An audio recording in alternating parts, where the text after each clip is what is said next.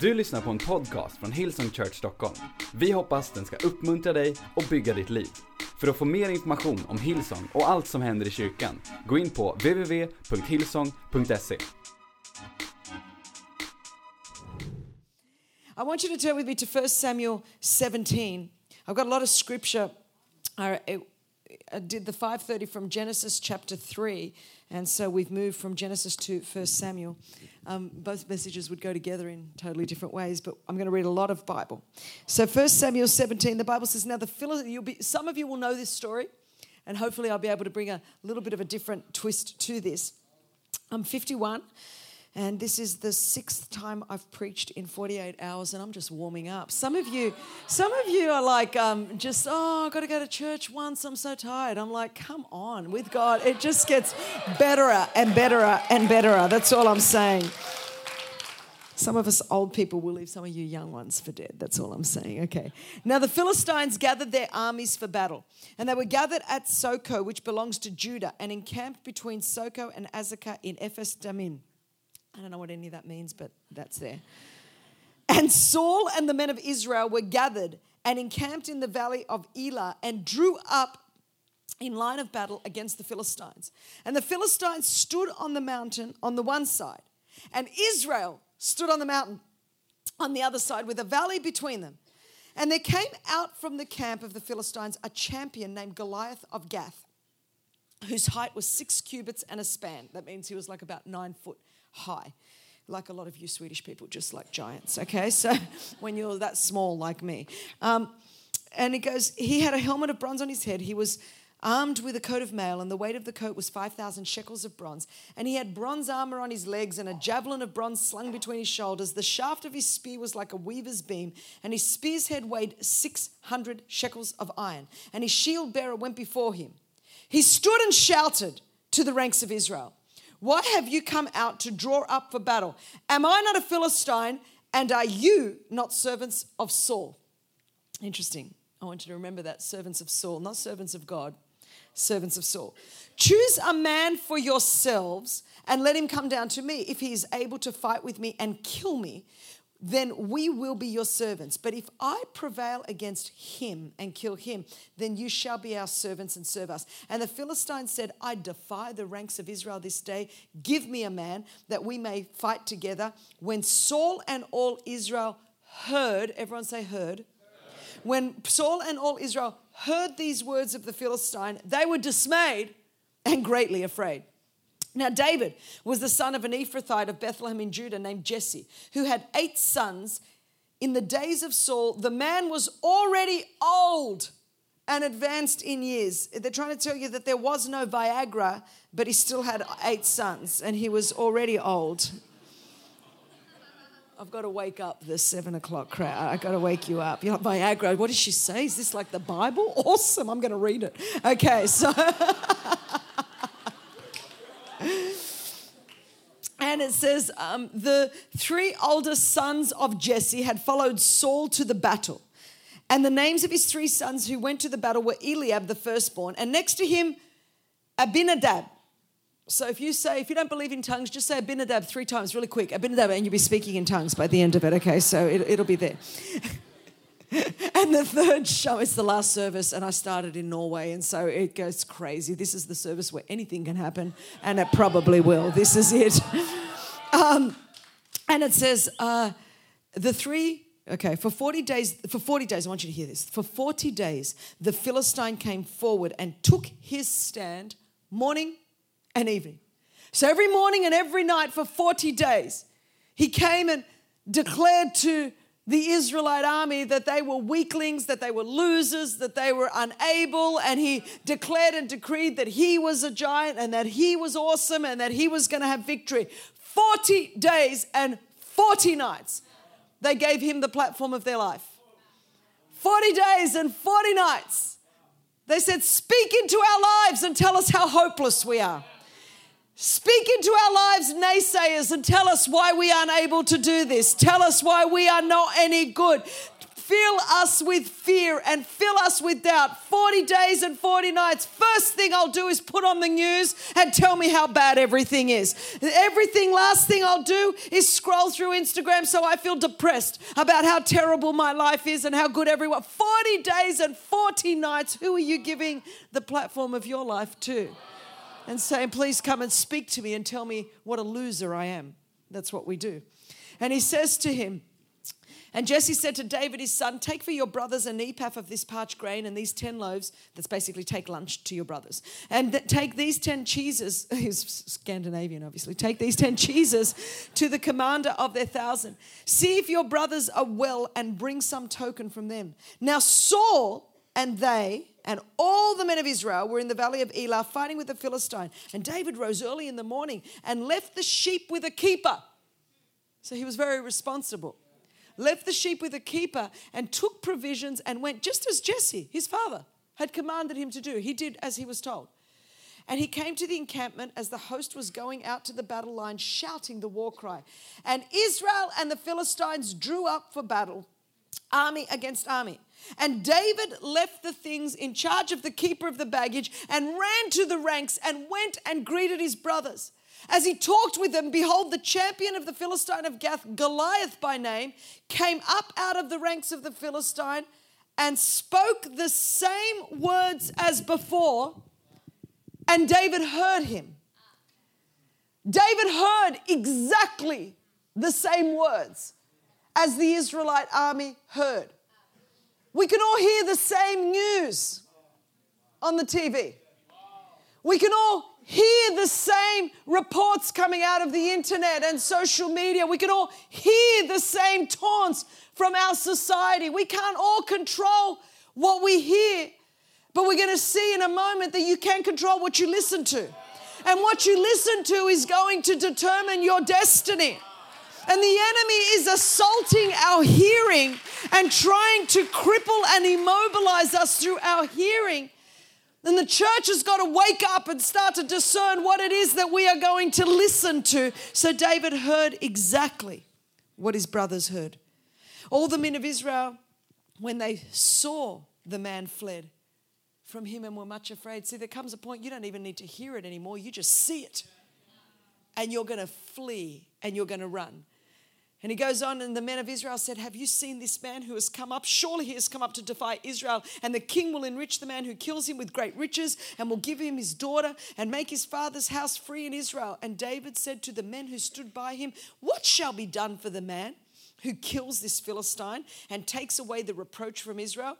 For who is this uncircumcised Philistine? Does beg the question what did he see that showed him he was uncircumcised? But anyway, that's another sermon. We won't do that today. Theologically, because he was a Philistine, he would have been uncircumcised. Let's just leave it at that, okay? So, so he goes on and he says, I love the seven. Anyway, and so. And he says, Who is this uncircumcised Philistine that he should defy the armies of the living God? I just want you to catch this because you'll miss this if you read scripture quickly. He already said that the Israelites were the army of Saul, they were servants of Saul. The ones that were afraid, the ones that had listened to Goliath, that were paralyzed and crippled.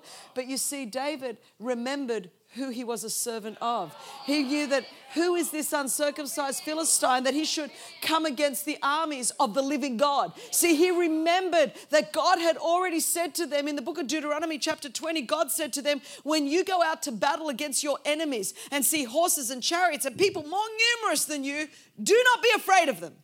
For the Lord your God is with you who brought you up from the land of Egypt. God had already told them there's going to be a war, there's going to be giants, there's going to be numerous enemy in your life, but God had already warned them and said, You don't need to be afraid because the same God that brought you out of Egypt is the same God that's going to be with you now, is the same God that's going to take you in. So when David confronted his giant. He just turned around and he remembered because he was listening to what God had already said. He wasn't. He was hearing the words of Goliath, but listening to the sound of God. And what you listen to will determine your destiny. What you listen to, you will have faith for. You can have faith for success or faith for failure. You can have either of them. It depends on what you listen to. David heard what the giant said, but he listened to the words of God. And it really doesn't matter how big your giant is, it matters how big is the God that is on the inside of you. It's the size of your God and not of your giant. We all confront so many giants in our life. And we talk about our giants. And we listen to our giants. And we turn it on in the morning. Tell me how hopeless I am. Tell me how pathetic the world is. Tell me how bad it is politically and morally and spiritually and economically and environmentally. And we listen to how bad it is. And then just before we go to bed at night, as if it's not bad enough, let's turn it back on. Come on, Goliath, come in. Let me just scroll through and feel depressed about myself again. Let me scroll through and fill myself with fear and doubt and negativity. Then we have got to be a church that turns around in the day and the age in which we, we can't control everything we hear because we are bombarded. There is more information on the earth today than ever before in history because of the internet, because of social media media, because of mass media. You and I, I'm not saying we're going to run away from this world. We're called to reach this world. So we have to learn to have victory in the world. The way we're going to have victory is by silencing the voice of the giant and elevating the voice of God in our life. Why do I say that? Because Romans 10 17 says, Now faith comes by hearing, and hearing by the word of God, not hearing what your friends are saying not hearing what culture's saying, not hearing what Twitter's saying, not hearing what social media's saying, not hearing what the internet's saying. Faith comes by hearing and hearing by the word of God. We need to be a generation that understands the power of hearing the word of God. The enemy is trying to drown the word of God with the noise of social media, with the noise of the internet, with the noise of mass media, with the noise of YouTube. Some of you, you spend so much time on YouTube, so much time on the internet, you never open the word of God. So you have faith for failure. You have faith for negativity. You have faith for insecurity. You have faith for fear because faith comes by hearing. And what you hear will determine your destiny. We need to be a generation that hears the promises of God because all of the promises of God are in Christ Jesus, yes, and in Christ Jesus, amen. You know, Nick recently bought me these little cool kind of earpod things. And this is what I have to do. I put these on, I love it. And then I've got to put my Bluetooth on in my little phone. And then I get these little things, and you don't even know I've got them in my ears. And this is what we need to do as believers. We need to put our little spiritual ear pods on in here, in our ear. And we get into our day, and you go to your office, and I put them in the wrong ear. I always do that. I knew that was going to happen. And so you put them in here and in here, and you go to work, and you go to school, and you go to university and the negativity's there. People are going to tell you, you're fat, you're ugly, you're dumb, you're stupid, you're not good enough. I do this better. I do. And you, and you know what? And you're just like, they wonder why you're smiling. Because they don't even realize you're hearing everything, but you're not listening to them. Because you've got your Bluetooth ears by the Holy Ghost that's tuned into God, and that, that's happening. And so, you know, it doesn't matter what the giant is yelling at me every day because I've got my spiritual earphones in. And I've got the Holy Spirit that's connecting me to God and connecting me to the Word of God. And so my faith is coming. And I know it doesn't matter what you say, it doesn't really matter what you say about me because I know, because I've got my earphones on and they're tuned into God. I know that I can do all things through Christ Jesus who strengthens me. I know that greater is He that is in me than He that is in the world. I know that my eye has not seen, my ears have not heard, nor has it entered into my heart the things that God has for me. I know that you cannot heap guilt and condemnation condemnation on me because I am the righteousness of God in Christ Jesus. I know that I am a daughter of the King of Kings and the Lord of Lords. I know that I am the beloved of God. I know that I am chosen. I know that I am anointed. You can say what you want. Economic crisis, well, my God owns the cattle on a thousand hills. It's all right, God, the whole earth is the Lord's and the fullness thereof. You can have a financial crisis. I'm not. I'm tithing. I'm in the house of God. My faith is coming by hearing, and I'm hearing the word of God. No, my relationships are going to prosper because I'm planted in the house of God. And so I am going, no, no, you can say what you want, but I'm, and they're wondering, how have you got so much faith? And you're like, oh, no, no, no. I didn't give Goliath the platform of my life every morning and every, no, no, no, no, no. See, I've got my spiritual hearing. That's why. That's why I'm in church. That's why I read the word. That's why I go to youth. That's why we're going to put on our Christmas show. We used to dream of days of being in the globe. We used to dream of it that a local church would take over and that we could say to 12,000 plus people, no faith comes by hearing. We're going to help you hear some faith instead of your fear, instead of your doubt, instead of your negativity. We're going to declare and we're going to decree good news. And so sometimes we, the church, cannot afford to think, I don't need to go. It's not important. It is important because faith comes by hearing. And we need a generation of Christians that are going to raise their voice in faith and that we are going to be full of the good news of God. See, when you know who you are, you don't have to listen to the devil to tell you who you're not. David turns around and goes, who, Who's this uncircumcised Philistine? Who's he? Why would he come against the armies of the living God? He never saw himself as a little shepherd boy. He knew that I'm a warrior of the king, God. God has put me out to battle. I'm not going to be pulled down by my school. I'm not going to be pulled down by my university. I'm not going to be pulled down by my workplace. I'm not going to be pulled down by my culture because I'm, I'm, on the winning side. I read the end of the book. We've already won. Jesus Christ has already won the battle and I'm already on the winning side. You can't beat me. You can't beat me. But the problem is, too many of us are hearing the wrong things, spending hours on video games, hearing the wrong things spending hours scrolling through feeds, hearing the wrong things. Faith comes by hearing, and hearing by the word of God. This word is life. It's not some religious kind of dead book. It is, this is life to me. This is life to me. I would not be standing here without the power of the word. I was the kid that was left in a hospital, unnamed and unwanted. My birth certificate does not have a name on it. It says, I don't even know if we've got, I haven't shown my documents. Do, do you guys have them? Wherever I'm looking as if you're it. Uh, they're probably. Um, I don't even know if we do, but maybe we do. Does someone have them? You could tell me, maybe not, because I didn't warn you all. Okay, so I have a birth certificate. My birth certificate, it says child's name, and next to it, it says the word unnamed. Unnamed, typed in, number 2508 of 1966. So I don't even know who my biological mother or my biological father are. When we talk about rescuing slaves and our global walk for freedom, to me, they're not just numbers 27 million slaves, because I was a number. On my birth certificate is just a number 2508 of 1966. I was abused sexually for 12 years by four different men, often several times a week. Do you know what that does to you? How that messes you up? I was so broken. I was so full of anger. I was so full of unforgiveness. I was so full of shame. I was so full of bitterness. And I would hear the giant day and night Christine, you are worth nothing. Christine, that's why your mother didn't want you. You're just a number. No wonder girls like you are just abused. That's what someone like you deserves. I grew up in the poorest zip code, the poorest area in all of uh, my, my state in Australia, the third poorest zip code in the whole country. In government housing, we were children of immigrants, in the poor immigrant community, in a culture that did not respect women in any way.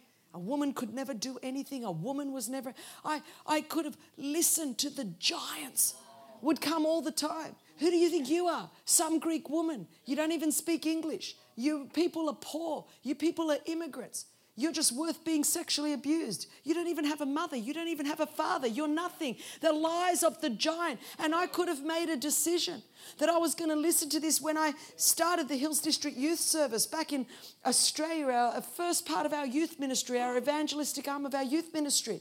You know, I was having all of these students from the, so, the most prestigious social work school in Australia were coming to do their placement um, in the fourth year at our our youth centre because it was the most successful youth centre in Australia. But the problem was it was faith based, and the university.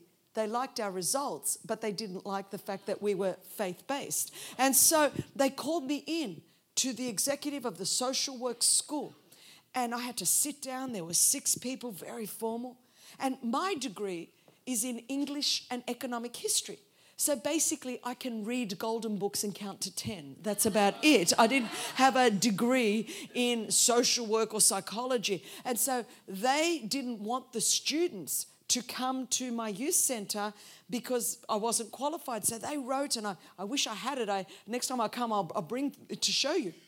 So I have this letter from the most prestigious, the dean of the most prestigious social work school in Australia but dated, I can tell you when, the 28th of March 1993, that said that if I ever had any career aspirations to work with youth or to run any kind of NGO, I would need to take several years out for formal academic studies so that I would have the relevant qualifications to be able. Now, I need you to know that since 1993, which was before some of you were born, and here we go, all these years later, I've gone to over 45 nations of the earth, spoken to millions of young people, and I mean that without exaggeration because I've gone with Joyce Meyer to some of her crusades in India where there were millions of people, let alone all the nations that I've been to, and seen hundreds of thousands come to Christ. And I run one of the largest anti trafficking organizations in the world. So remember, the experts told me in 1993 that I couldn't run an NGO and I wouldn't have any career in youth. Now, that was black and white ink on paper, it was a letter from the education department because we know if the giant of the education department says it, it must be true. And of course, the social worker report about me, written on a piece of paper from the Royal Hospital for Women in Sydney, Australia, it had a whole two page document that said that my biological mother did not want to have me. The exact phrasing is she wants to get this over and done with as quickly as possible and go back to work. This child is unwanted. So I have a piece of paper that is my birth certificate that says unnamed from the Department of Community Services, from the government department in Australia. I have a piece of paper from the Royal Hospital for Women that says unwanted. Right there, black and white, ink on paper. It's written on it. I don't know what medical profession, what you've been given from the medical department that says this thing is terminal, this thing is incurable, there is no hope. This is the diagnosis you will have to receive. You're going to have to live with this for the rest of your life. I don't know what it is, but they told me I was unwanted. They told me I was unnamed. The University of New South Wales told me on the 28th of March 1993 that I was unqualified. Oh, I had the giants telling me, you cannot do it. People like you are unnamed. People are like you are unwanted. People like you are unqualified. Black and white, ink on paper. And so many of us, we listen to the giants of the facts. We go, Christine, you don't know what my education results are. You don't know I grew up in poverty. Christine, I've been divorced. I've messed up. Christine, here are the facts. And we try to build our life and we listen to Goliath and we say, Give me the facts. And because of the facts, we believe the facts. But you know what? I found another black and white ink on paper and it's a lot higher than the facts. It's called the truth of the Word of God. And although my birth certificate says unnamed, Isaiah 49, verse 1 says, From the womb of your mother, I have named your name. My social work report says that I am unwanted. But the word of God in Psalm 139 says, Honey, before you even got in that womb, I formed you. I knitted together your innermost parts. You are fearfully and wonderfully made. The education department said that I'm unqualified. But the word of God says that he whom he calls, he qualifies. We have to be a generation that builds our life on the truth of the word of God, not the facts of our circumstances. Now, faith comes by hearing and hearing by the word of God. You can listen to Goliath, who will tell you you're a loser, or you can say, Who are you, uncircumcised Philistine? I am part of the army of the living God. I am who God says I am. I can do what God says I can do. I can have what God says I have. I am a son or a daughter of the King of Kings and the Lord of Lords. I am not defined by where I came from or what you say about me. I am defined by the truth of the Word of God. Now, faith comes by hearing, and hearing by the Word of God. This is not hype for me, this is life and death for me. I would not be doing what I'm doing today. This word saved my life. Saved my life. And here I am today by the grace of God, the kid that was left in a hospital in Australia, abused, adopted, unnamed, and unwanted. Not only did Jesus rescue me, you're going to walk with us on October the 14th, but today, I'm opening prison doors and rescuing others. That is the redemption of Jesus Christ when you build your life on the truth of the Word of God. I'm still unqualified. And can I tell you this? I'm still unqualified. I never went and got those qualifications. But I run one of the largest anti trafficking organizations in the world in 12 countries. Hundreds of people rescued, dozens of traffickers in jail. And you know, yesterday I was in Norway and Nick and I got an email. I thought it was a joke. I really did. I, th- I thought one of, I thought Phil Dooley sent me like a joke. but the email was with the letterhead from the Mother Teresa Foundation. And every two years in India, the Mother Teresa Foundation gives an award. It's called the International Humanitarian Social Justice Award. The people that got it before me, two, two years ago was Malala, and two years before that was the Dalai Lama, and two years before that was another president, and Mahatma Gandhi's great grandson presents the award. Well, we got this email out of nowhere yesterday that says on December the 10th, I'm going to India to collect that award for A21. I'm telling you, I never got the qualifications, but I read the Bible. And faith comes by hearing, and hearing by the word of God. God will you. Promotion does not come from the north, south, east, or west, it comes from God. If God said it, God will do it. All the promises of God are in Christ Jesus, yes, and in Christ Jesus, amen. Let us be a generation of Christians that build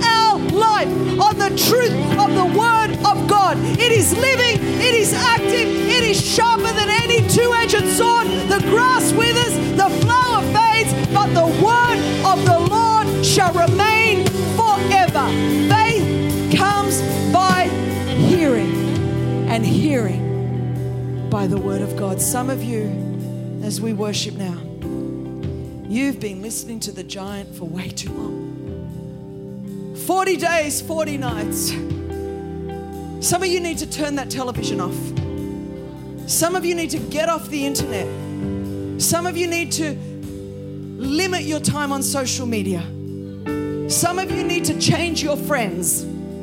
Some of you need to change what you're listening to because faith for success will come by hearing and faith for failure will come by hearing. It's your choice. If we are going to make it in the world in which we live, we have got to elevate the Word of God.